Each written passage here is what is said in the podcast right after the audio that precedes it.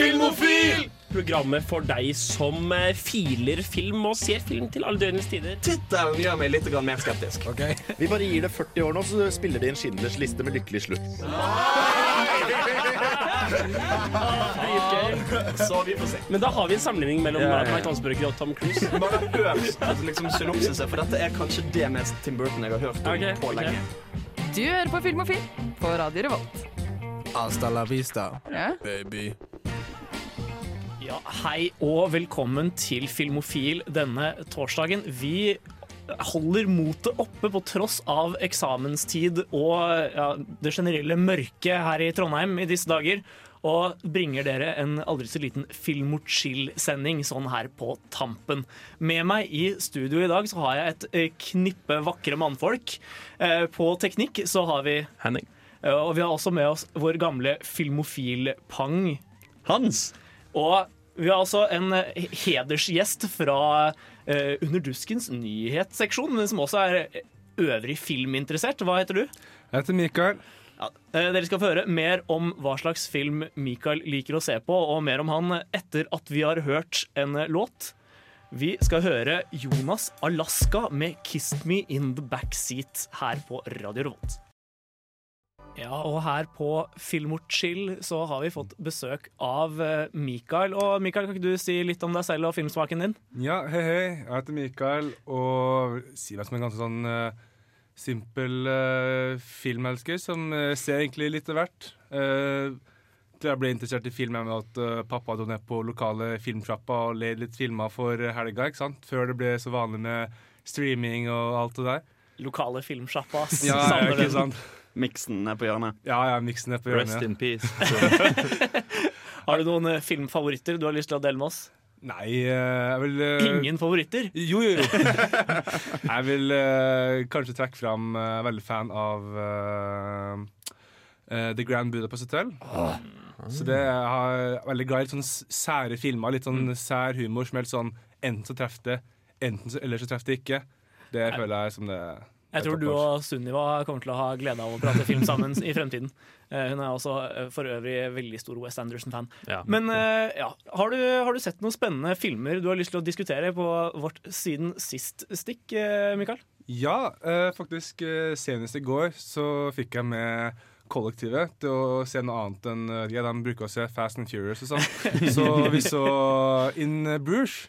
Eh, uh, oh, Nå husker jeg ikke hvem det er, ja, men det er jo med Ralph Fiennes og Colin. Colin Farrell, Farrell, og pakka der. Mm. Så den er jo, var jo kjempekul. Jeg har sett den før, da, så jeg ville jo få med dem på å se den. Så det var jo kjempe... Ja. Ja, Det er Martin McDonagh som yeah. har eh, regien på den. Jeg, jeg, jeg er også In Bruges som sånn fast julefilm. Jeg pleier alltid å få litt sånn derre eh, jeg vet ikke, jeg blir litt sånn der førjulsnedfor. Sånn, yes. sånn kvelden lille julaften. Så jeg tror han har brukt opp all energien i løpet av dagen på å pynte tre og liksom være i veldig julestemning. Så får det sånn backlash når klokka begynner å nærme seg liksom Klokka begynner å nærme seg åtte. Og da pleier jeg å sette på In Bruges, for det er liksom teknisk sett en julefilm. Men den er liksom Ja. Den er såpass melankolsk av seg da, at det liksom passer humøret mitt. Men, eh, men ja, det er helt klart en av mine favorittfilmer. Jeg er, utrolig fan av, av bare ja, måten de klarer å gjøre noe så tragisk så morsomt på. Ja, for skulle si, altså, det er jo noe den har til felles med uh, Great Budapest eh, Hotel og Wes Anderson sine filmer. At de bruker en litt sånn der uh, sukkersøt, gøy og uh, lett tilgjengelig overflatetekstur, nærmest. For så sucker-puncher deg med litt følelser. Sånn Å ja, du trodde du bare skulle se en koselig liten komedie om en familie og en stygg pappa som lyver til ungene sine. Synd det, for her kommer selvmord. Ja, og så liksom Ian Bruges da handler jo strengt talt Eller når du, ser den, når du ser starten på filmen, så føles det som en litt sånn derre klassisk eh, Guy Ritchie-aktig sånn britisk eh, krimfilm. Eh, med mye humor og liksom god stemning. Og så går det en liten stund til, og så innser du at oi shit, han, de- er i Bruges fordi han har drept et barn. På sitt første oppdrag som hitman. Og det er, det er jo kjempetragisk. Ja. Men, eh, men ja, så klarer de liksom å gjøre det morsomt allikevel, da. Nei, for det, det la jeg merke til når jeg så noe, for det var en stund siden jeg så den sist, at den var jo mye mer dyster enn jeg huska den som sist. For jeg huska liksom bare det, det morsomme, ikke sant? Den der quirky dialogen og alle de memorable quotesa. Mm. Men uh, så var det liksom det med Ja, det er jo selvmord og barne, barnedrap og hele Men det er så fin den scenen hvor han eh, andre fyren som er med han, er på vei for å drepe han. Og så ser han at han holder på å ta selvmord, og så løper han og stopper han. Med, med pistolen i hånda, liksom. Hæ? Skulle du drepe meg? Du skulle drepe deg selv! Ja, men Eh, ja, det, er, det, er noen, det er noen utrolig, utrolig skjønne scener i, i løpet av den filmen. Utrolig merkelig, men, men eh, helt fantastisk samtidig. Jeg lurer på om vi kanskje bare skal eh, kjøre på med en låt til, jeg. La oss høre Who Is She med Top 8. Ja, og her på Filmofil så snakker vi som vanlig om ting vi har sett i det siste. Og Henning, har du sett noe spennende? Jeg har fortalt om dere før. Det er det, det jeg kaller YouTube-fella. Og det at jeg, YouTube er min sånn you- filmrelaterte ting, og da havner det opp, eh, så havner det i den eh, suggested-boksen min. da Mm. Eh, Kjente filmscener. Så nå har jeg vært igjennom stort sett hele Forest Gump og Catch Me If You Can. Fordi jeg eh, eh, De som ikke husker det fra sist gang jeg fortalte det, det er at jeg ser ei scene, og så står det 'suggested' der igjen, og så står det ei scene til. Og så ei scene til, og så ei scene til, ei scene til. Til slutt så har jeg sittet en og en halv time og sett klipp av Forest Gump. Og det, og det irriterer meg litt, for jeg kunne like så godt ha satt meg ned og sett Forest Gump. Men jeg føler at det tar mer tid. ja, det det. det blir jo bedre hvis du Ja, ja. ikke må trykke på liksom ny video. Ja, og få den der, Hvilken kanal som har den der, den der utrolig irriterende outroen som er altfor høy? Den sånn klirrende. størrelse som en sånn uh, um, sånn Movie wind clips, er det ikke bare det den heter? Jo, det kan være. det er noen sånne Mm. pling-plong-lyder uh, med forslag om liksom de neste scenene Ikke sant? Ja, Den blå bakgrunnen. Ja, ja. den er veldig, veldig irriterende. Ja. Jeg husker vi skulle ha et uh, Jeg og en venn av meg hadde et prosjekt på videregående hvor vi skulle ha mørke byskildringer på film. Som sånn Mm. eh, skjønnlitterært program, eller hva det heter de der greiene hvor man skal være skikkelig kreativ, da. Um, og så skulle vi vise en del filmklipp, da. Men vi brukte den der movieclips for å vise liksom og Vi skulle prøve å få folk i liksom dyster stemning, og det var så fin balanse. Vi måtte trykke på stopp på akkurat riktig tidspunkt hvis ikke kom den der teite musikken. Ja, bare, da, da kollaps, eller det ville kollapsa helt, da. Men, så heldigvis eh, fikk vi øvd nok da til at det liksom ikke gikk fra Rorschach sin åpning i Watchmen og rett over i liksom pling-plong-lyder. Men, eh, men ja, hva, hva, hvordan var gjensynet med Forest Gump, da? Fin. jeg vet ikke. Altså, det var uh, Hvem sa det? Det var um, han eh, Tom Hanks som spilla inn en video for å reklamere for et eller annet. Og det var Jeg så den med en kompis, og da sa, da sa jeg 'wow, han er gammel'. Og da sa han kompisen min da, ja, det er tross alt 20 år siden Forest Gump. Mm. Jeg tror det var jeg, jeg lurer på om telefonen min hører på meg, eller noe sånt, Fordi det var etter det Forest Gump dukka opp. Da, i YouTube Nei, men- nei, men det, det er litt derfor, da. 20 år siden Tom Hanks spiller den inn. Ja, den, den filmen er litt sånn Den er veldig, veldig enkel. Min far sa så fint at det handler jo egentlig bare om en litt sånn dum fyr som har jævlig flaks. Ja, ja, det er litt det jeg også har innsett. Han bare liksom Han, han treffer spikeren på hodet med liksom alt han gjør. Mm. Det går aldri gærent for han. Altså Forrest Gump er jo en av de filmene som i mitt hode er litt i samme kategori som eh, Shawshank Redemption. At jævla basic jævla mennesker har den som favorittfilmen sin. Ja, men det er sant. Det er Men sant. det må sies, jeg syns The Shawshank Redemption er en mer formfullendt film enn det Forest Gump er. Begge to er gode filmer. Men det er, de er på en måte i hermetegn bare gode. hvis, du, hvis du skjønner hva jeg mener. Altså, det, er ikke noe, det, det er ikke noe mer enn det. Ja, jeg, jeg, jeg må si meg litt uenig der. Altså, jeg, jeg, synes, jeg, jeg, jeg skjønner veldig godt hva du mener. Jeg er også enig i at verken uh, Forest Gump eller The Shawshank Redemption er noe ekstraordinære filmer. Mm. Men jeg syns nok The Shawshank Redemption har mer å gi meg enn det Forest Gump har. Ja, kanskje. Men det er kanskje er min, min Jeg personlige mening. Forest husker Forrest Gump bedre enn jeg gjorde Shawshank Redemption.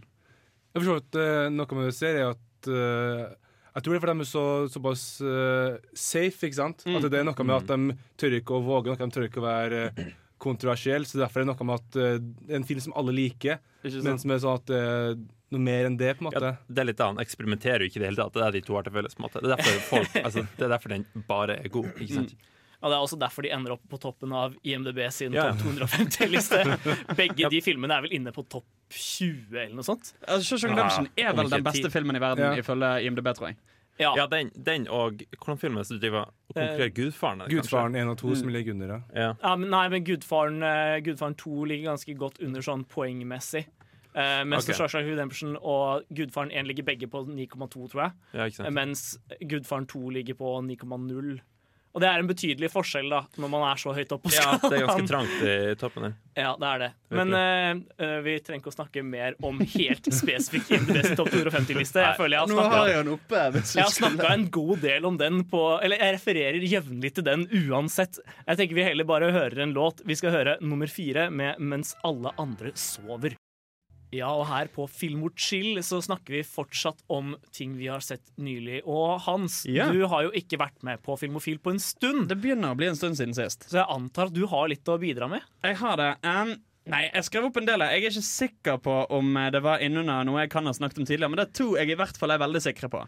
Uh, for jeg hadde en liten sånn um, Altså, Det var et sånn videoessay som eh, var på YouTube, som handlet om liksom Disney-renessansen på eh, slutten av 90-tallet 90-tallet og begynnelsen av eh, 2000-tallet.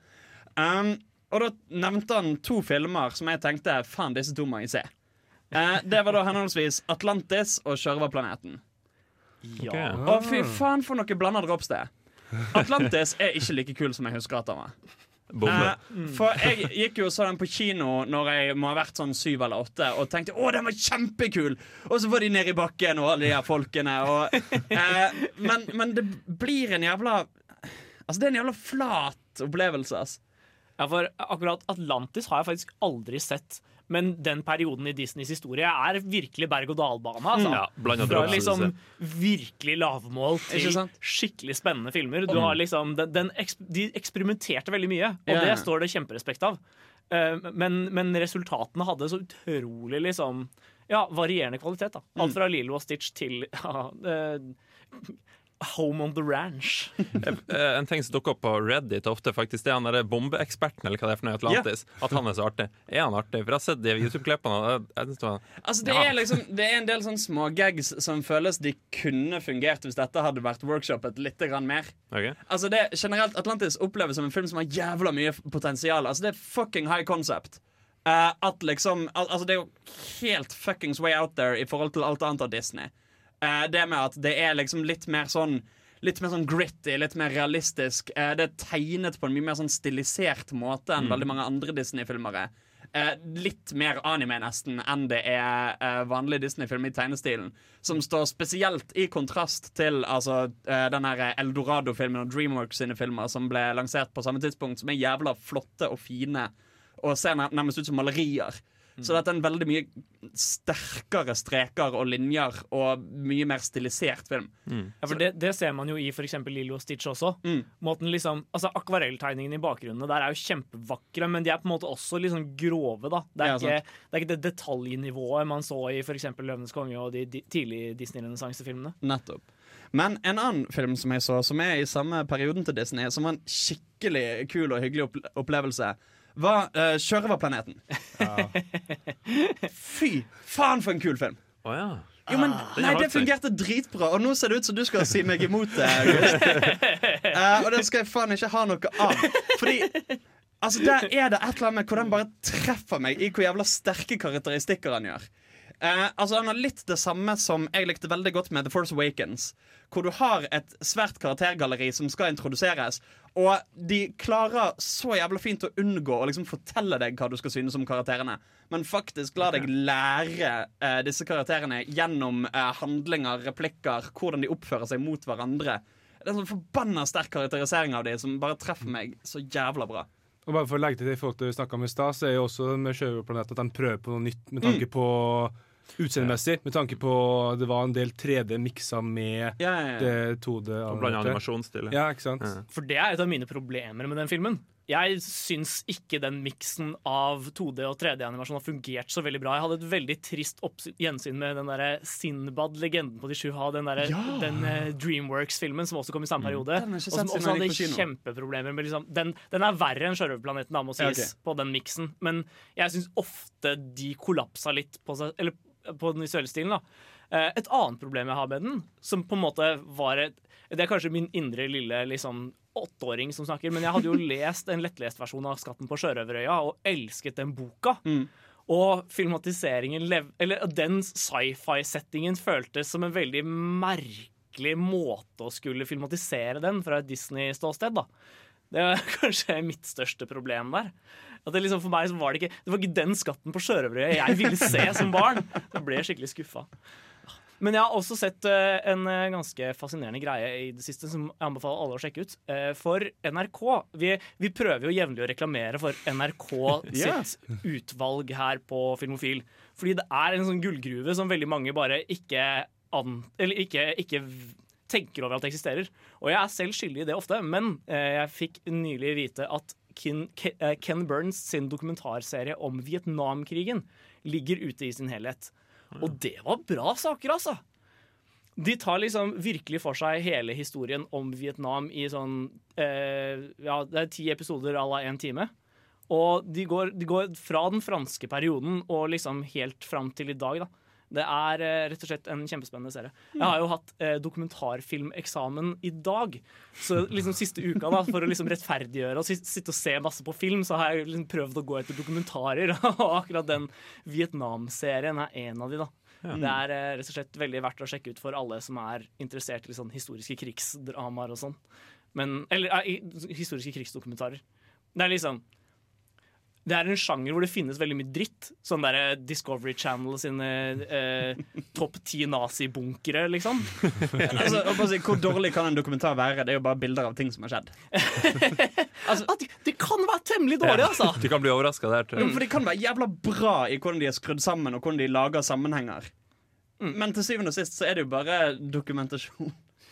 Oi, oi, oi, oi. Det er en litt for lang diskusjon til at vi kan ta den på de neste eh, 20 sekundene, kjenner jeg. Eh, For eh, er det noe jeg har lært etter å ha studert dokumentar dette halvåret, så er det at dokumentar også kan fungere ganske godt som kunstform. Men eh, som sagt, den diskusjonen er litt for lang. Jeg tror vi heller bare hører The Wombats med 'Lemon to a Knife Fight', etterfulgt av en liten pause.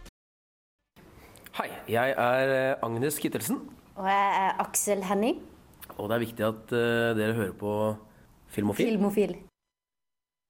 Ja, det er viktig at du hører på Filmofil. Eller i dag er det kanskje mer Filmochill. Men i hvert fall, vi eh, skal ikke bare snakke om ting vi har sett i det siste, for vi har eh, også sendt Hans Ystanes ut i den store, vide film- og fjernsynsverden for å skaffe noe film- og fjernsynsnytt. Og har du funnet noe spennende? Du, jeg har stappet eh, pressepasset i hattebremmen og gått ut og spurt gravende spørsmål, og jeg har funnet ut uh, noe ganske juicy facts. Um, Juicy! Jeg er jo litt over middels glad i tegneserier. Uh, og, uh, og tegneseriefilmer, og der har det vært mye problemer en stund. Ja, da, da lever du i en heldig tidsalder, vil jeg jo påstå. Ikke sant? Uh, og kanskje blir jeg enda heldigere. Oi. Fordi det har vært en del kontrovers innad eh, mellom eh, Marvel som tegneserieverden og Marvel som filmverden. Fordi før Marvel skjønte hvor jævla stort det kom til å bli med disse Marvel Cinematic Universe-filmene sine, så drev de og solgte rettigheter veggimellom. Eh, Det er derfor for eksempel X-Men og Deadpool eksisterer for seg sjøl. Det er derfor Spiderman inntil nylig eksisterte for seg sjøl. Og det har vært mye tull. Og Marvel har jo sittet der og tenkt at faen, nå har vi skjegget i postkassen her. Eh, X-Men tjener masse, masse penger. De pengene ser ikke vi en dritt av. Um, så de har gjort en del kjipe ting, da, hvor de har begynt i tegneseriene å fase ut X-Men. Eh, og Fantastic Four, som de heller ikke eier. Eh, og bare sånn, Nå skal de erstattes med noe annet drit. Eh, la hva hvis vi bare dreper alle sammen i tegneserien, sånn at ingen kommer til å bry seg om de lenger? Den som ler sist, ler best, liksom. Ikke sant? De har bare Det er kjørt fortsatt, det er fortsatt de som har kontrollen, liksom. Ja, ja. De har bare kjørt brente jords taktikk på sine intellectual properties. Det som kan forbedre situasjonen, er at Disney er i prat om å kjøpe opp Fox. Oi! Og Fox A. Fox eier X-Men, uh, Deadpool og ja, ok. eh, Ja, sånn Fantastic Four. Sånn sett. Uh, og det er på en måte kult og på en måte fuckings dritt. Ja, for jeg er veldig skeptisk til dette.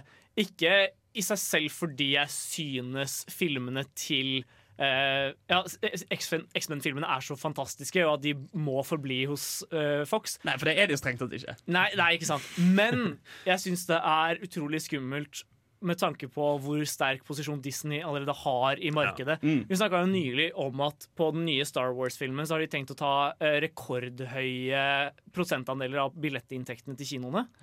Og Disney kan gjøre det nå fordi alle de best solgte filmene er Disney-filmer. De har både Marvel-filmene, de har Star Wars-filmene. Parts of the Caribbean. Of, er- de er, gjør det ikke så bra lenger, Nei. men de er fortsatt høyt oppe. Uh, men også Disney-klassikerne. Og live action-remakesen av Disney-klassikerne. Ja. Disse fem kategoriene er med på å dominere topp ti box office år etter år nå. Og det er, det er en skummel utvikling, for jeg vil ikke at altså, Jeg er glad i Disney, liksom, men jeg syns ikke de bør ha for mye makt heller. Nei. Det er mange som sier, eh, det er mange som ser at eh, Disney nå er like sterkt som MGM var på 20-tallet.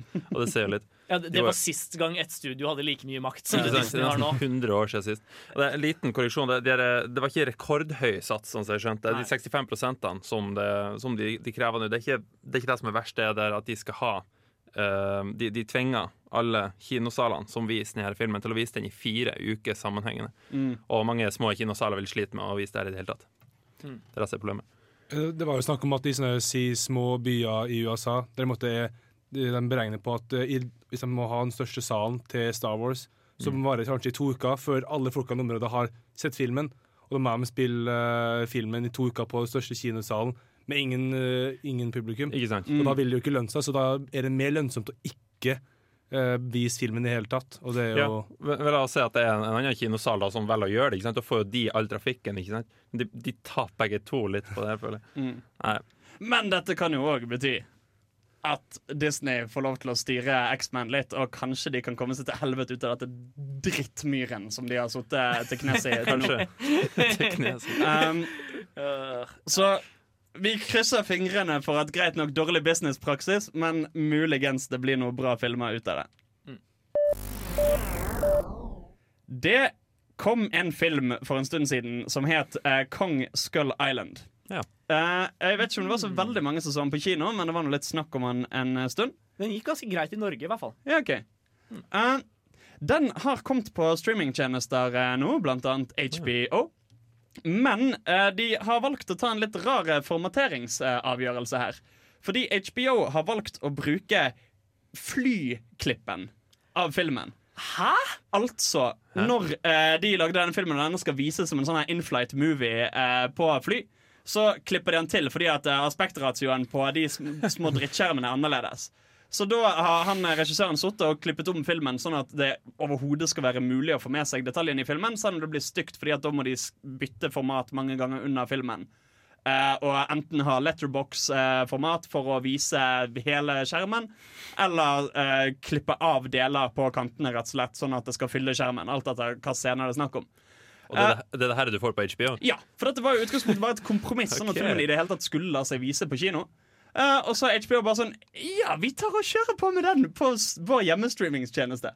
Det høres ut som en sykt latterlig idé. Hvem i alle dager var det som tenkte at liksom, den blir sikkert bedre hvis vi bare viser Ja, ja. oh, Høres ut som han sover på jobben. Eller noe. sånt. Jeg blir rent provosert, skal jeg si deg. Men, men. La oss heller høre en uh, låt. Vi hører Chromeo med Juice her på Radio Revolt. Juice of Chromeo der, altså. Men uh, Hans, du mm. har flere nyheter til oss, du. Jeg har så mye nyheter. Um, en ting som har skjedd, er at det kom en Netflix-serie som het Mindhunter. Uh, Ja. Som mange likte ganske godt. Ingen ble kanskje helt blown away, men uh, stort sett fått ganske god uh, feedback. Ah, jeg, jeg, jeg tror den eh, sorry. fortsatt er ganske godt oppe på IMDb sin topp 250 TV-serier. Sånn, eh, for å Ja, riktig. Skal vi litt den opp? Ja. Um, en som har blitt spesielt godt lagt merke til der, er fyren Cameron Britton. Som spiller Edmund Kemper, altså han her eh, seriemorderen som vår hovedperson, FBI-agent, driver og intervjuer og preker mye med. Og det ser rett og slett ut som vi har en vaskeekte uh, character actor in the making her. Fordi han har nå eh, skrevet under kontrakt for å spille i The Girl in the Spider's Web. Altså oppfølgeren til The Girl with the Dragon Tattoo. Disse amerikanske eh, remakesene av eh, Lisbeth Salander, Millennium-trilogien. Er Fincher fortsatt med der? Du, det vet jeg ikke. Eh, For det er- Det føler, jeg, det, føler jeg, det føler jeg er ganske essensielt for hvorvidt jeg bryr meg om at den filmen kommer eller ikke. Fordi den, den filmen var Eller de, altså de, jeg syns de svenske filmene er gode nok til at hvis man skal lage en remake, så skal det være skikkelig Mm. bra. Og det klarte jo Fincher å by på i The Girl with the Dragon Tattoo. Så jeg kjenner jeg litt sånn det, det, det er ganske viktig for meg, rett og slett, for at jeg skal gidde å se den. Det er ikke David Fincher som skal stå bak den filmen. Det er en fyr som heter Fede Alvarez. Å, men det er ikke nødvendigvis en dårlig ting. Han Nei lagde nemlig nettopp Don't Breathe. En nokså Ja, okay. kul actionthriller som var på kino i fjor sommer. Ja, jeg, jeg, det er ikke sikkert det blir en uinteressant film. Men jeg tror ikke helt Don't Breathe-estetikken er det som passer det universet best. Altså, Nei, for det dragetatovering-greia, ikke sant, det er jo ikke skrekk. Det er jo, det er jo thriller. Nei, men det er Jo, men det er Altså, Don't Breathe er grenselandet der mellom thriller og skrekkfilm, vil jeg påstå. Jo. Vi, Ja, okay, jo, jo. Ja, OK. Jeg kan skjønne hva du mener.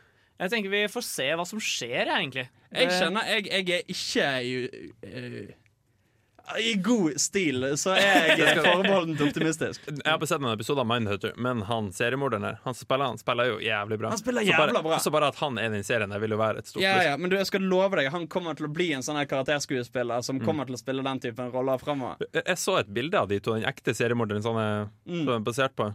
Det er vel en ekte han på, ikke Yeah. ja. Han og altså, De to på sida av hverandre de var visst ganske like. Så jeg vet ikke om det var veldig eller ikke. Men eh, kanskje det er han. sønnen hans Plot twist. Så det var i hvert fall Mindhunter. En av mine favorittregissører er så mange som Robert Rodriguez. Han er en eh, god eh, En god tulling, men en eh, artig tulling. bak filmer sånn som Bak filmer som blant annet Sin City, eh, småspionerfilmene, eh, Sharkboy and Lovergirl, Uh, El Mariachi, Um, Desperado, From Dusk Til Dawn. Uh, lager mye sånn campy B-filmer og gode venner med Quentin Tarantino. Planet Terror, den som Mm. kom sammen med, med Grindhouse i greia, og kanskje en av mine favoritter fra hans eh, side. Ikke sant? Eh, han har jeg vet ikke, han har et eller annet sånn artig vesen ved seg som gjør at han lager veldig egne filmer. Når du ser en Robert Rodriguez-film, så vet du at det er en Robert Rodriguez-film. Eh, de er kanskje litt overspilt, litt overstiliserte. Eh, kanskje storyen er litt eh, det, Han er, lager generelt ikke veldig subtile filmer, men det er stort sett veldig gøy å få med seg. Og han har jo en veldig sånn nerde lavbudsjettbakgrunn. Han var en eh, filmgeek som eh, lagde egne filmer på veldig lavt budsjett.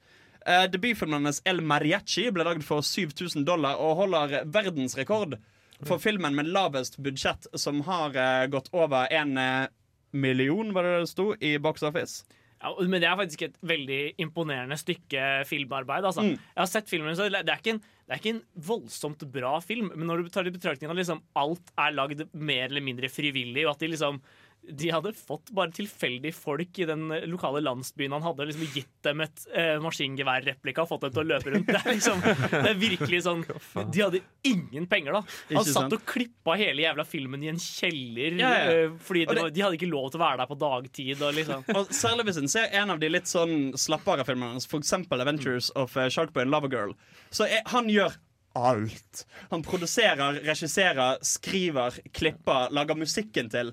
Han gjør alt i filmene sine. Men hva er det han har gjort nå? Du, det han har gjort nå, er at han har meldt seg i en konkurranse. Uh, som heter Rebel Without a Crew, som egentlig er for unge og aspirerende filmskapere. som skal konkurrere om å lage den beste filmen for 7000 dollar eh, på to uker. Og den er ikke basert på hans historie? Den Nei, det har, virker ikke som det har noe med han å gjøre, men han har bare tenkt Vet du hva, fuck it, jeg har lyst til å delta.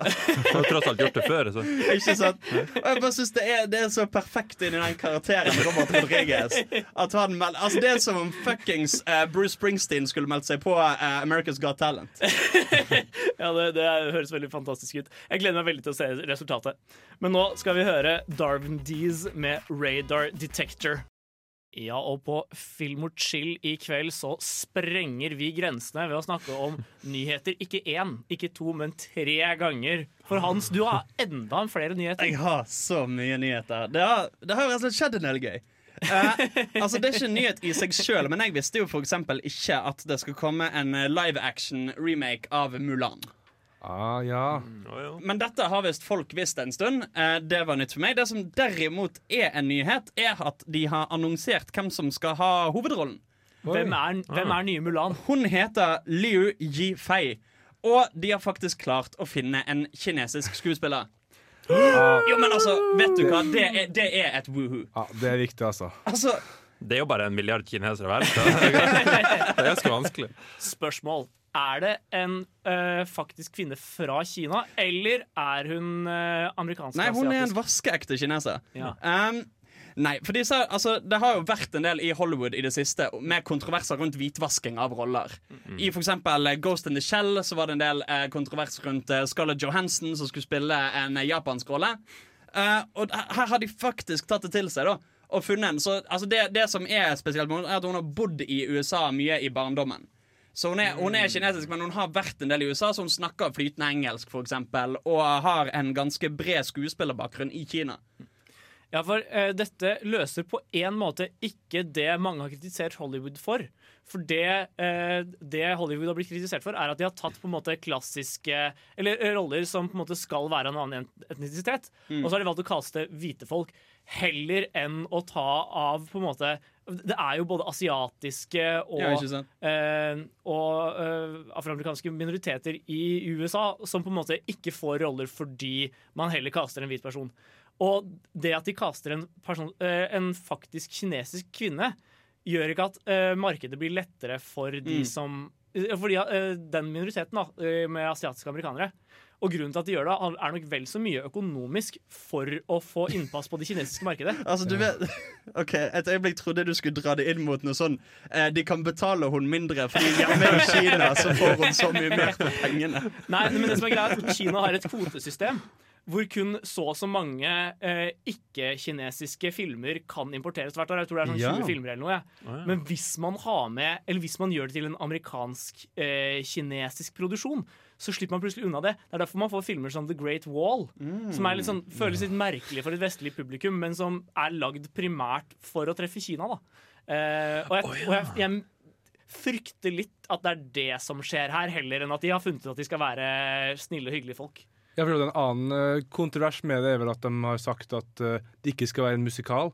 Som uh, Nei, ikke noe 'Make a Man Out of You'. det er jo den sant? beste Disney-låta. Så det er jo Mange er veldig glad i musikken fra filmen. Og jeg, jeg syns jeg leste tilbake en stund at det var At det ikke skulle være det, samt at uh, han er general Chang, han som er på en måte en av sammen med Mulan, at han skal ikke være med. Det skal være en annen karakter som ligner, som skal være på en måte da med i troppen med Mulan, og så måtte da finne ton etter hvert. da For eh, Dette kan jo bety litt forskjellige ting.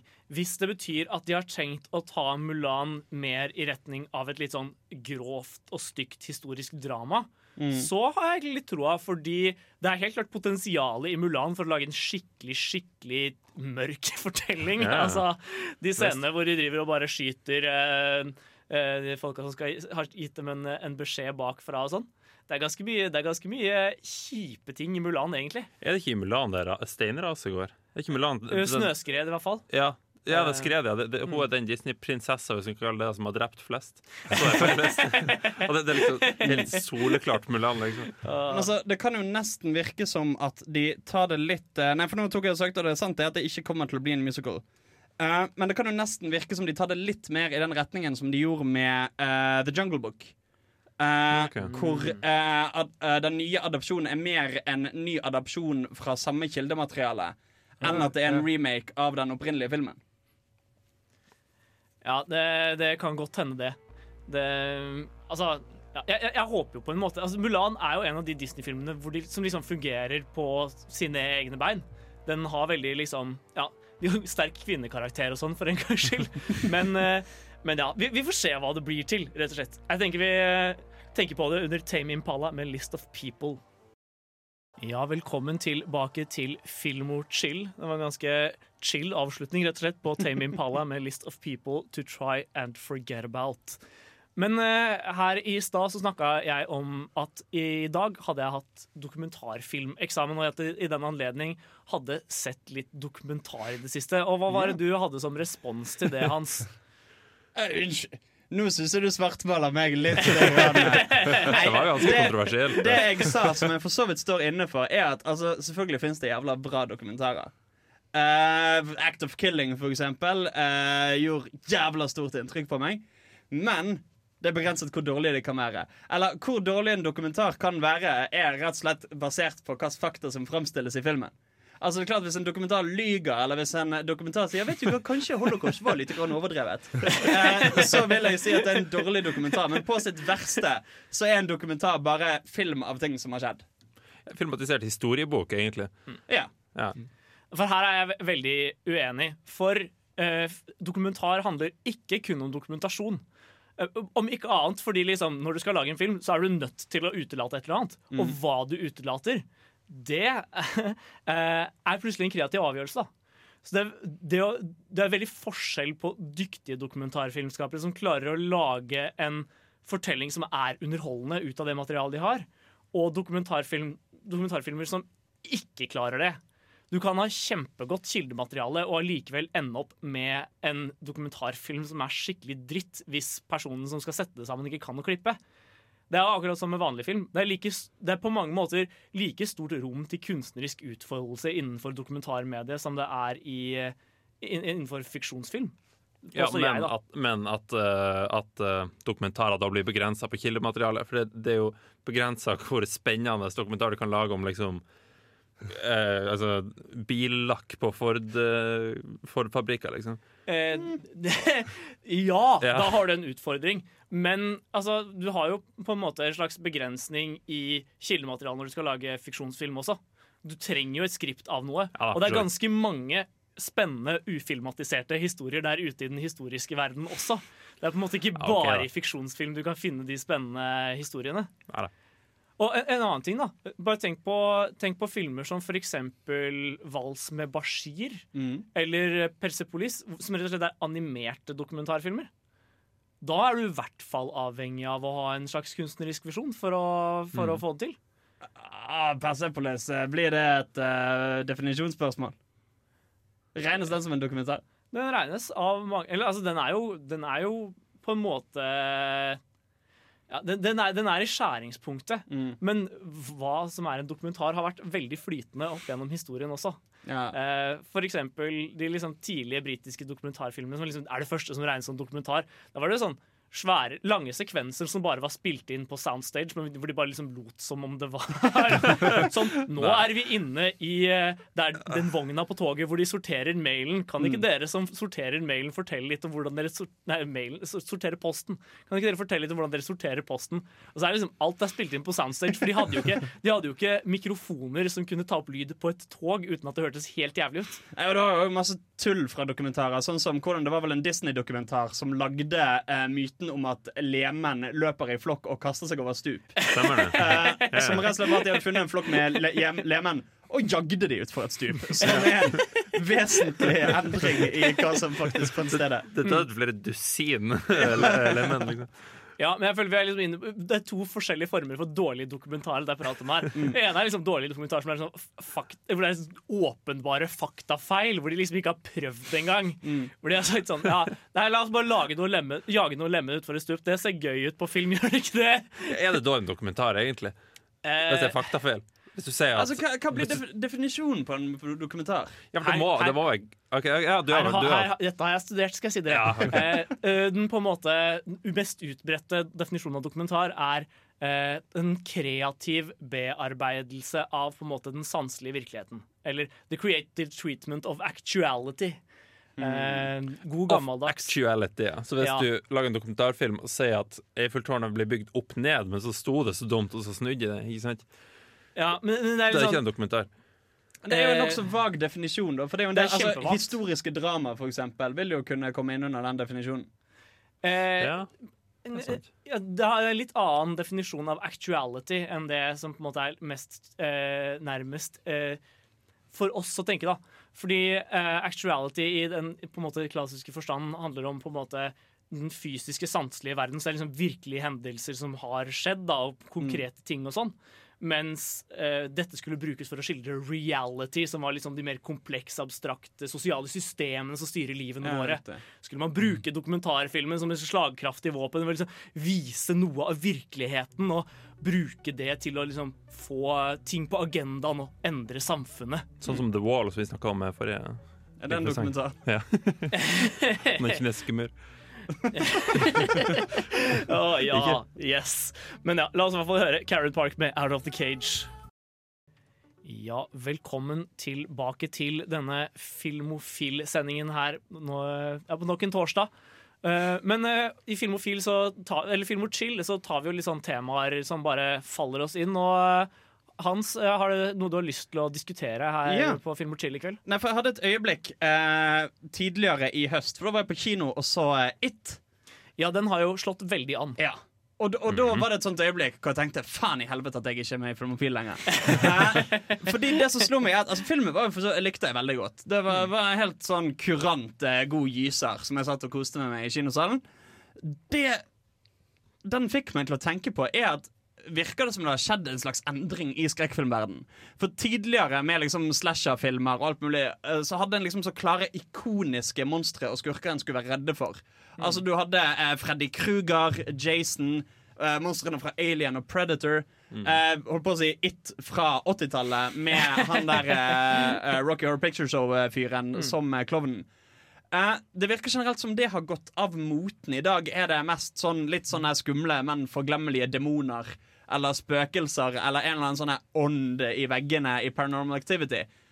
Der kan vi nesten trekke tilbake til den forrige sendinga vi hadde om superskurker. Det der med at superskurken, eller i dette tilfellet liksom, monsteret, da bare er en effekt eller en prop, liksom. Ja, sånn. Og det er Ja, det er veldig fort å glemme av det. Jeg tror også det kan handle litt om at det er andre ting vi har blitt redde for enn på 80-tallet. For ja, si, Det er jo lett å, liksom, lett å overanalysere, da. Men tenk liksom den generelle kulturen på 80-tallet. Så hadde man en, liksom, i hvert fall i USA da, en veldig sånn, tydelig fiende. Man hadde liksom russerne, og de var, de var fæle folk. Og de skulle man bekjempe. Mens i dag så har man liksom ikke lenger en slags sånn overordna liksom, onde i verden. Det man har mer, er liksom uh, Man er redd for at et eller annet skal infiltrere liksom uh, da, uh, Ja, folkene rundt deg og deg selv. Og jeg føler man kan se det litt i, i horrorfilmene. da Sånn som ja, for eksempel It Follows, hvor monsteret liksom hele tiden glir yeah. inn i mengden og bare går sakte. Og er usynlig for alle andre, for ikke å snakke om. Eh, jeg tror kanskje det kan være litt det det handler om også. Ikke, ikke bare at vi har gått lei av horrorikoner. For vi har jo helt klart ikke det. Altså, med tanke på hvor populær It ble Ja, i sant? høst, og sånn, så må det jo være en, for, viss fascinasjon der fortsatt. Og, altså, jeg tenker liksom at Hvis, uh, hvis noen nevner liksom, uh, Nightmare on Elm Street, hva het protagonisten? Freddy. Nei, uh, Freddy Kruger er jo skurken. Men hva het Protagonisten? Å ja, unnskyld. unnskyld. Hva Jeg heter hovedpersonen? Har ikke peiling! Nei, nei. En eller annen blond jente som Ja, eh, sant ble etterpå. Sant det. Fokuset Altså, var var Johnny- helt snudd på hodet. Så var Johnny Depp med. Å ja. Hva er det? Ja, det er en av de aller første rollene til Johnny Depp. Nei! Det visste jeg ikke. Så uh, gøy. Uh, Ja. Men dette- der, der og Platoon, det var liksom tidlig. Men du har liksom alle disse filmene hvor poenget er monsteret. Mm. Poenget er skurken, men det virker som vi har gått vekk fra det at poenget er bare den som du nevner, den generelle følelsen av at noe skal skje. Av at noen skal komme og grabbe deg. Det skal sies at It, da husker du jo ungene òg. Jo, men husker ikke hva de heter. Jeg husker skuespillernavnet.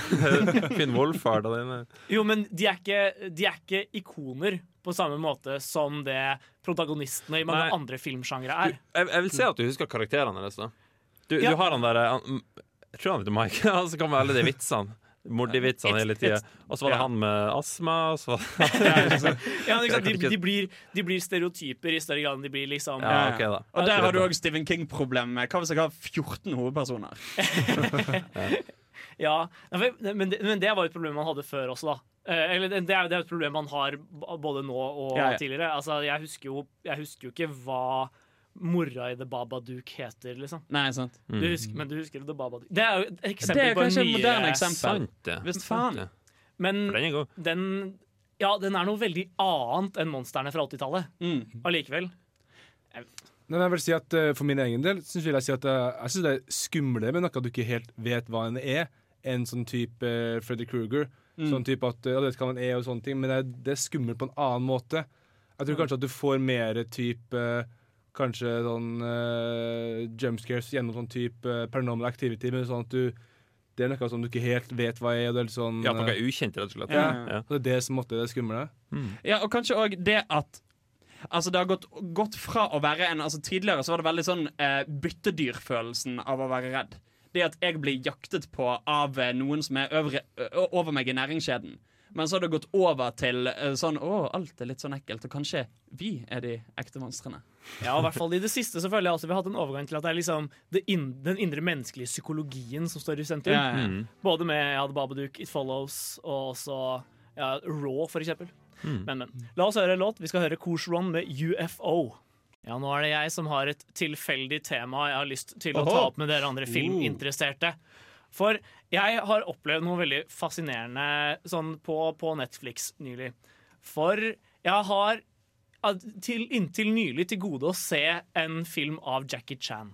Og han er jo en, han er jo en filmlegende på mange Mm, måter.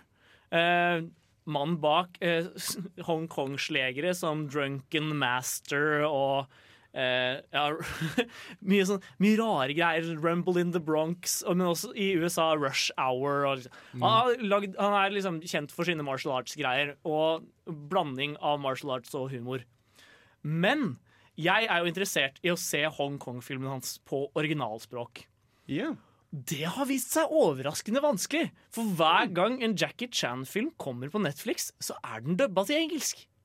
Og den er Oh. dubba over Det- det. Og, det- og det, går, det går ikke an å velge i noen sånne menyer.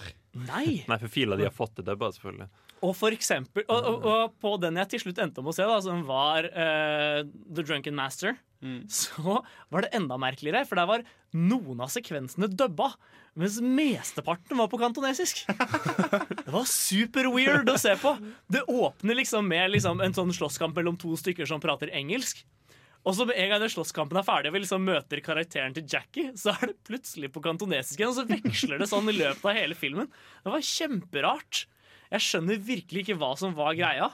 Men, men når han, Jackie Chan dubbes, er det han selv som dubber seg selv, eller er det en annen person som dubber han? Nei, jeg tror Eller- dette var før Jackie var en greie i USA. Jeg tror Det, det, det Mm, ok. høres veldig ut som liksom den gamle VHS-dubben Ja. til filmene, som de liksom av en eller annen merkelig grunn har beholdt. Og jeg skjønner virkelig ikke motivasjonen deres. Altså, Kinesiske myndigheter er jo veldig opptatt av image eh, i verden og har styring på at kanskje de rett og slett bare skammer seg over sitt eget språk. Ja, men alle andre Hongkong-filmer jeg har sett på Netflix, har ligget ute på kantonesisk. Mm. I hvert fall som en mulig option, liksom. Ja, ja. Jeg Men- så ganske nylig alle Ip Man-filmene, og de er jo på Ja, Nå hører jeg ikke jeg forskjellen på kantonesisk og mandarin og de tingene der, men kinesisk ikke, i hvert fall. Ja, ja jeg, jeg tror den er Hva, hva er Mandarin. filmer typisk på? Uh, jeg, jeg, er usikker, men Ip Man er så tydelig kommunistpropaganda at jeg mistenker at den er laget liksom, i selve Kina og ikke i Hongkong. Men hva, Mm. hva vet jeg. Men det var veld, veldig fascinerende å se en film med Jackie Chan. For er det, som nevnt, han er en, han er en humorlegende, og det er med god grunn. Yeah. For han er utrolig god på å gjøre uh, stunts på en festlig måte å se på, rett og slett. Er det noen av dere som har noe forhold til fyren, egentlig? Nei, jeg skulle si at eh, jeg så et veldig bra videoessay på akkurat det her for en stund tilbake, med at eh, forskjellen mellom eh, Hongkong-produksjon og filmer som han har vært med i, og amerikanske filmer, om at uh, i Hongkong-versjonen filmer, ikke sant, så får han utspilt seg med å være veldig morsom, når, spesielt når han slåss, ikke sant, så er han veldig kjent for det, og at han uh, er morsom når han slåss, og at måte, det, er jo, det er jo veldig kul slåssing, for han kan jo faktisk slåss i forhold til typ skuespillere i Hollywood. Så nå er det at eh, det blir helt annen måte at det fungerer på. Men Ja, for han har en helt annen timing eh, enn det man ser i martial arts-sekvenser i, i Hollywood. Og mye av det skyldes at de, de, de, de fikk lov til å ta takes helt til det satt. Eh, og det, noen ganger var det liksom 50 forsøk på å prøve å kaste den ene vifta på det perfekte tidspunktet, sånn at man klarte å ta den imot. Uh, men det ser til gjengjeld jævlig bra ut, da. Ja, og Du har jo òg eh, eksempler på hvordan i, altså, i typisk sånn moderne vestlige actionfilmer hvor det er en eller annen gammel Hollywood-fyr, host Liam Neeson, host eh, som plutselig skal bli actionhelt, så kan jo han åpenbart ikke karate. Eh, så da gjør han noen halvhjertede bevegelser, og så klipper de det til at det ser ut som om han er en actionhelt. Mens i disse gamle kung fu-filmene hvor du faktisk hadde folk som kunne slåss, Eh, så var det mer det de gjør tingen sin, og så filmer vi for å framheve det. Ja. Jeg har til og med sett eksempler på hvor de klipper sånn at du ser treffet flere ganger når du ser det frame for frame adskilt av et par frames under hverandre. eh, for å gi ting ekstra impact. Ja, Men også bruken av props og alt mulig er helt herlig. Det er, jeg anbefaler alle å sjekke ut litt Jackie Chan. Det er mye gull der. Men nå skal vi høre låt. Vi skal høre Queens of the Stone Age med The Evil Has Landed. For et program i burra med både klasse og stil. Du hører på Filmofil.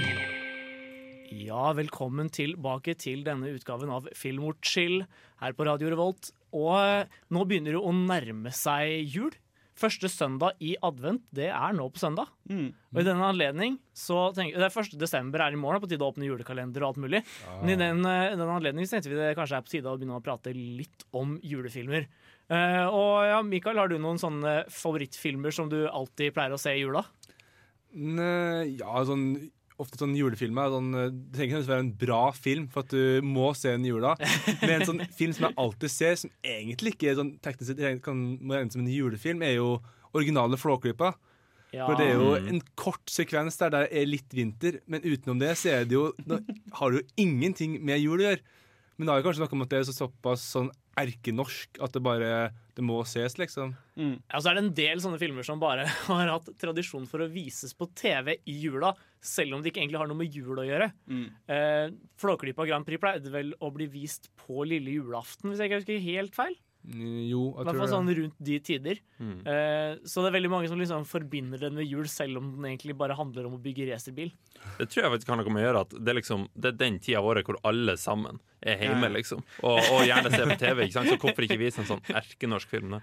Ja, Og, og hvem, hvem i Norge er det som ikke liker Flåklypa? Ja, ikke sant? Ja, Jeg er ikke så fan, faktisk. Ja, men- er det sånn at du aktivt misliker den? Nei, det er jo bare en film. Syns du ikke den er sjarmerende, liksom? Nei, det var litt sånn dårlig dukketeater. Huh. Jeg vet, jeg, vet, jeg, vet, jeg vet ikke, det, bare, det treffer meg ikke helt. Den siste gangen han ser på film Nei da. Nei, det er lov å si det. Nei, det, er jo, det er jo mange filmer som vises rundt juletider som ikke har så mye med det å gjøre. Som du sier, altså For eksempel 'Tre nøtter til Askepott'. Det har jo egentlig ikke noe med jul å gjøre. Det er vinter, liksom, men det er det. Eh, Handler, handler om nøtter. ikke sant? Eh, den der eh, 'Grevinnen og hovmesteren' handler om nyttårsaften og ikke julaften, men vi viser den på lille julaften for det om. Ja, Det hadde gitt mer mening å ha som en nyttårsaften-tradisjon. Eh, ikke sant? Mm. Jeg vet ikke om folk kanskje ikke ser like mye på TV på nyttårsaften som de gjør på julaften. Jeg Folk er håper på en drikker. måte ikke det. For, for det er jo rart, for at eh, i andre land så sendes den jo på nyttårsaften. yeah. Men ikke oh, i. Norge. Det er bestemt mange år tilbake. Så det er sånn, Vi tar det på lille Ja, ja, julaften, ja. og så ble det det. Det er ikke en norsk tradisjon, altså, å vise grevinnen og hovmesteren. Nei, jeg tror det, er- det er jo ikke en norsk produksjon. Det tror det Nei. er Vet du, Jeg sjekka det opp for noen år siden om eh, at det er en greie, tydeligvis. Kanskje ikke like erke sånn, sånn eh, nasjonal, nasjonalistisk som, som vi føler at det er, men at det, at det vises da på TV-en. Ja, men Jeg, jeg tror den også pleier å vise i Tyskland i, i romjula. Ja. Eh, men- Dubba, selvfølgelig. ja, det må være en veldig annen sketsj på tysk. Ja. Altså, Jeg har en film som eh, jeg ofte pleier å se i romjulen, som overhodet ikke har noe med jul å gjøre. Eh, som er Asterix og Kleopatra. uh, filmen som en gang i tiden var den fi franske filmen med høyest budsjett noensinne. Uh, selvfølgelig dubbet på norsk. Eh, Ja. For det var en sånn typisk film som ble vist typ, eh, midt på dagen på nyttårsaften eh, mens de voksne var i selskap Ja. og vi ungene satt på rommet og så på TV. Stemmer. Jeg husker eh, fortsatt det var enkelte sekvenser der jeg faktisk synes var oppriktig skumle. Som de blir inn inne i pyramiden Ja. og sånn. Eh, det var dårlig stemning, ass. Og det, det er jo en film som jeg har liksom Den så jeg ikke på en god stund, og så var det noen kamerater på videregående som sa Jo, den må du se, den er fortsatt gøy. Og så så jeg den, og fy faen for en sjarmerende og artig film det er. Altså det er på en måte Altså Det er litt sånn wack shit med at en del er overspilt, og det er veldig veldig åpenbart dubbet på en sånn uh, dubbing av live action-filmer-måte som aldri fungerer veldig bra. Men han har noen jokes og noen vitser som bare sånn treffer så jævla bra. Og er litt sånn self-aware uten å være altfor høyt oppe i skyene med det. Og jeg, jeg syns det er en knallfilm. Ja, jeg husker på, på videregående så hadde vi sånn eh, I fransktimen skulle vi se en fransk film. Skulle vi ha avstemning da om hvilken vi ville se. Eh, og det, det var litt sånn Det var et tydelig eh, kjønnsskiller der, da. For alle guttene stemte på Asterix Obelix og Kleopatra, mens alle jentene stemte på Amelie? Jean de Florette, faktisk. Eh, jeg kunne vært tilbøyelig til å stemme på den hvis ikke hadde vært at jeg så den på ungdomsskolen og hata den. Uh, men i hvert fall, det ble Asterix og Obelix hos Kleopatra. Da. Jeg angra ikke på det valget. Det var veldig god stemning. Ja, men eh, vet du hva, Hans? Den filmen hadde jeg helt glemt Ja. eksisterte. Altså. For Ja, jeg, har den, jeg har den faktisk på VØS. Så den tror jeg faktisk jeg skal slenge fram i jula nå. Og så skal jeg faktisk se den, altså. For jeg, jeg husker, det er noen få scener jeg husker. Typ eh, den der døra som er plassert feil. Om du, Ja, ja, ja, ja. Og så husker jeg at jeg eh, ikke fikk lov å se den lamscenen som ble dratt ned i hullet. Det fikk jeg ikke lov å se da jeg var liten, for det var for skummelt. Hvor ble det av lammet? Ja, ja. Det er i hvert fall Filmofils foreløpige juleanbefalinger. Nå skal vi høre en låt. Vi skal høre Magnus Beckmann med 'Bruces'. Ja, og her på Filmofil så snakker vi om filmer vi pleier å se i jula, men som ikke nødvendigvis handler om jul. Og Henning, har du noen julefavoritter som ikke er så julete? Ja, veldig favoritt og veldig ikke jul, og det er The Matrix.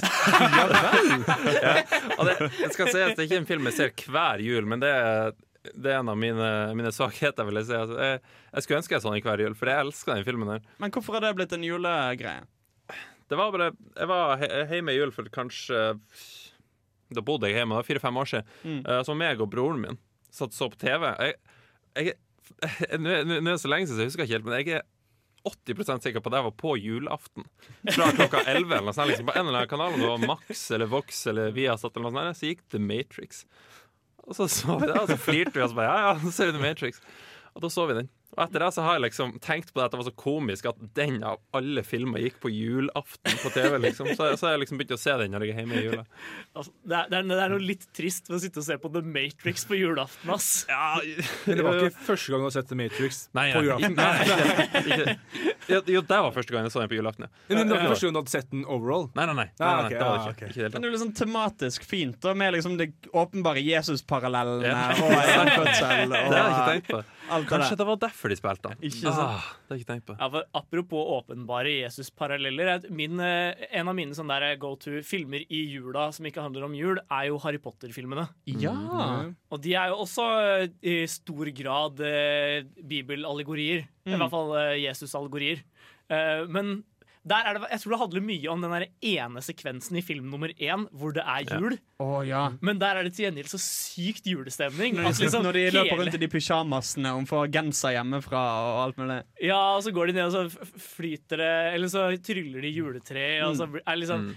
det er så, De nailer julestemningen da i akkurat ja, ja. den sekvensen. Så er liksom ja, jeg, jeg, jeg, føler at den gjør, rettferdiggjør å se gjennom alle Harry Potter-filmene i jula. Altså For meg så er jo det noe som henger veldig sånn nostalgisk igjen, merker jeg, fra eh, når jeg var seks-syv år gammel, og de kom på kino rundt eh, juletidene hvert år. Mm. Eh, og det å liksom gå gjennom slaps og snø i Bergen med mamma og gå og se Harry Potter, det var liksom det hørte med de God eh, par jul. julene når de kom. Ja, og En annen fordel er jo at Harry Potter-serien er en av de få filmseriene vi kan se med hele familien uten at noen blir sinna. Mm. Fordi er, det er så gode filmer, og alle har på en måte et nostalgisk forhold til det, selv foreldrene mine. da Uh, Da er du heldig med foreldre. Mamma hadde nok eh, protestert høylytt hvis vi skulle sett eh, Harry Potter. ja, jeg er generelt ganske heldig med filmvannet til foreldrene mine. Her igjen så vil jeg jo si at uh, norske TV-kanaler har haussa det her opp sånn i de grader. Om at det er konstant sånn på alle kanaler gjennom hele jula. Så er det liksom Mm. sånn ah, Den dagen romjula, så er den filmen, også, den filmen, også, den filmen. Er sånn, du kommer ikke unna Harry Potter i romjula i Norge, for å si det Nei, sånn. altså. Nei. Nei, men det har, det har handlet vel så mye at vi bare har satt på DVD-ene for å få den ene, den ene sekvensen med jul fra Altså, det hadde første gått an å lage sånn supercut bare av julescenene fra de ulike filmene. oh, det hadde vært noe. Harry Potter eller alle julefilmer? For den saks skyld. Ja, sånn som en Hjemme alene-scena. eller Ja, er vel ja, toeren ja, hvor han finner det svære juletreet i New York, eller hvor det er. Ja, det er jo litt sånn som de gjør med, på Julemorgen, hvor de kun viser juleepisodene av alle TV-seriene. Ja. Eller alle Mm. barne-TV-seriene. Jeg husker Det var skikkelig irriterende, for jeg hadde liksom lyst til at Jimmy Neutron skulle gå hver dag, og så var det liksom bare den ene Den ene juleepisoden, og så var det liksom ferdig med Jimmy Neutron. Ja, jeg følte meg skikkelig snytt. Men, men. Jeg tenker vi tar en eh, låt, jeg. Vi skal høre Black Debate med Motorhedda Gabler her på Radio Rolt. Ja, velkommen tilbake til Film og chill. Jeg har en eh, til eh, film jeg har sett i det siste som jeg har litt lyst til å prate om. For, Når du som- sier 'sett den litt i det siste', har du sett den flere ganger i det siste? uh, uh, nei, i det siste som i, i det siste i litt utvida forstand. Okay. Var vel mer det jeg mente. Nei, uh, for jeg har nok en gang Det var forberedelse til dokumentarfilmeksamen om å gjøre å få sett unna så mye som mulig. Og Frida hadde kommet med en veldig varm anbefaling for en god stund tilbake om å se en dokumentarfilm som heter 'Paris Is Burning'. Har Ja, noen av dere hørt om den? Jeg har hørt om. Ja, for det var en fascinerende film, altså. Jeg hadde liksom ikke trodd at altså, det, det må jo sies at eh, filmer om det homofile mm, Eller hom homofile miljøer generelt appellerer til Frida kanskje hakket mer enn de gjør til meg. Eh, men 'Paris Is Burning' var veldig verdt å sjekke ut. Den handler rett og slett om et eh, miljø rundt en sånn derre Det de kaller for et ballroom i eh, New York på slutten av 80-tallet. Hvor konseptet er at ja, alle kommer og liksom eh, Det er liksom moteshow, da. Hvor de har en haug med forskjellige kategorier, og så skal man kle seg, kle seg opp til den aktuelle kategorien. Og det kan være alt fra liksom eh, menns eh, vintersportslook eh, look til eh, å være sånn der klassisk sånn drag queen, da. Eh, og hele, hele greia er liksom hvordan alle disse eh, homofile mennene finner sitt miljø. Da. Liksom, finner det, den ene plattformen hvor de virkelig kan være seg selv i dette liksom veldig merkelige subkulturmiljøet i New York. da. Og det er noen utrolig hjerteskjærende fortellinger der, rett og slett, om, om homofile menn som har måttet eh, måttet forlate hjem og familie og liksom finner disse familiene med andre homofile menn i, i New York. Det var rett og slett veldig rørende. Jeg anbefaler alle å sjekke ut den. Og den er et, den er et interessant uh, den er, Det er en del av det homofile uh, miljøet jeg ikke har sett skildret på, på film før. Vi har jo alle sett liksom Brokeback Mountain og liksom det derre store um, Jeg kan jo Dallas Buyers Club. da. Hmm? Dallas Buyers Club. Ja, den er kanskje litt i det området. Jeg har ikke Ja. sett Dallas Buyers Club. Ah, Så det er Der skal jeg ikke uttale meg. Nei. Jeg har ikke sett Paris is Burning. så-. Men ja, den handler vel mer konkret om eh, aid, eller hiv og aids-problematikken. aids-problematikken. Mm. På 70-tallet og stigmaet rundt det. Ja. Den mm, rasist eh, redne, eh, Ikke rasist, er vel ikke, men redneck, veldig sånn homofiendtlig ikke sant, mann da, Mm. som får aids. Uh, og du får aldri vite om han er homofil og i skapet, eller om han ikke er det, men han får iallfall aids, og blir han utstøtt av, av uh, trailerparken sin, fordi han, der bor det også andre rednecks. Ja, for Det er Sånn, fascinerende å liksom tenke på hvordan på 80-tallet Hvor mange det var som liksom tolket aids-epidemien som liksom et tegn fra Gud om at homofili var syndig. Ja, for det var noe jeg innså noen måneder siden. Jeg, jeg tror faktisk det var uh, ei sending hvor Frida drev og snakka om uh, akkurat det her. Og tenkte på det. Wow! Det må ha vært ei gullgruve Før sånne kristne, konservative rednecks, Ja, homofobe. At de Tenk liksom- å få noe sånt, De liksom. kan sitte der og hamre i bordet med liksom Hva faen var det vi sa? Ikke sant? Her kommer Guds vrede liksom, og tar dere fordi dere synder. Liksom. Tenk. Jeg syns det er rart at det ikke henger igjen fortsatt. Liksom. Det er ingen som sier det i dag. Liksom. Nei, altså, de onde menneskene har vel dødd, da. Ja, jeg får håpe det.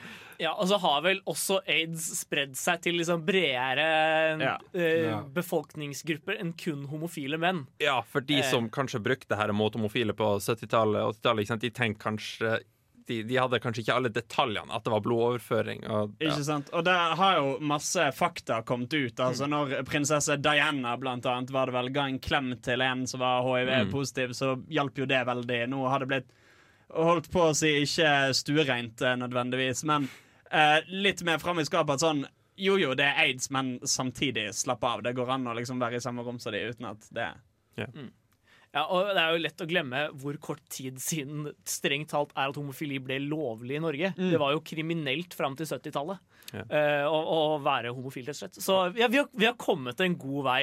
Det er et stykke igjen, men, men, eh, men ja. Det, 'Paris Is Burning' er i hvert fall en film eh, alle som har mulighet, burde sjekke ut. Den ligger på Netflix. Men nå skal vi høre en låt. Vi skal høre Jet med 'Are You Gonna Be My Girl'. Sendingen har gått unna som et olja lyn, rett og slett. Eh, vi har snakket om mye rart, så hvis du kom inn nå på slutten, så anbefaler jeg deg å sjekke oss ut på radiorevolt.no slash programmer slash filmofil. Kan du høre hele sendinga på nytt? Veldig koselig. Med meg i studio i dag så har jeg hatt på teknikk. Henning. Jeg har også hatt med vår gamle traver Hans. Og eh, også besøk fra eh, Underdusken sin nyhetsseksjon. Mikael.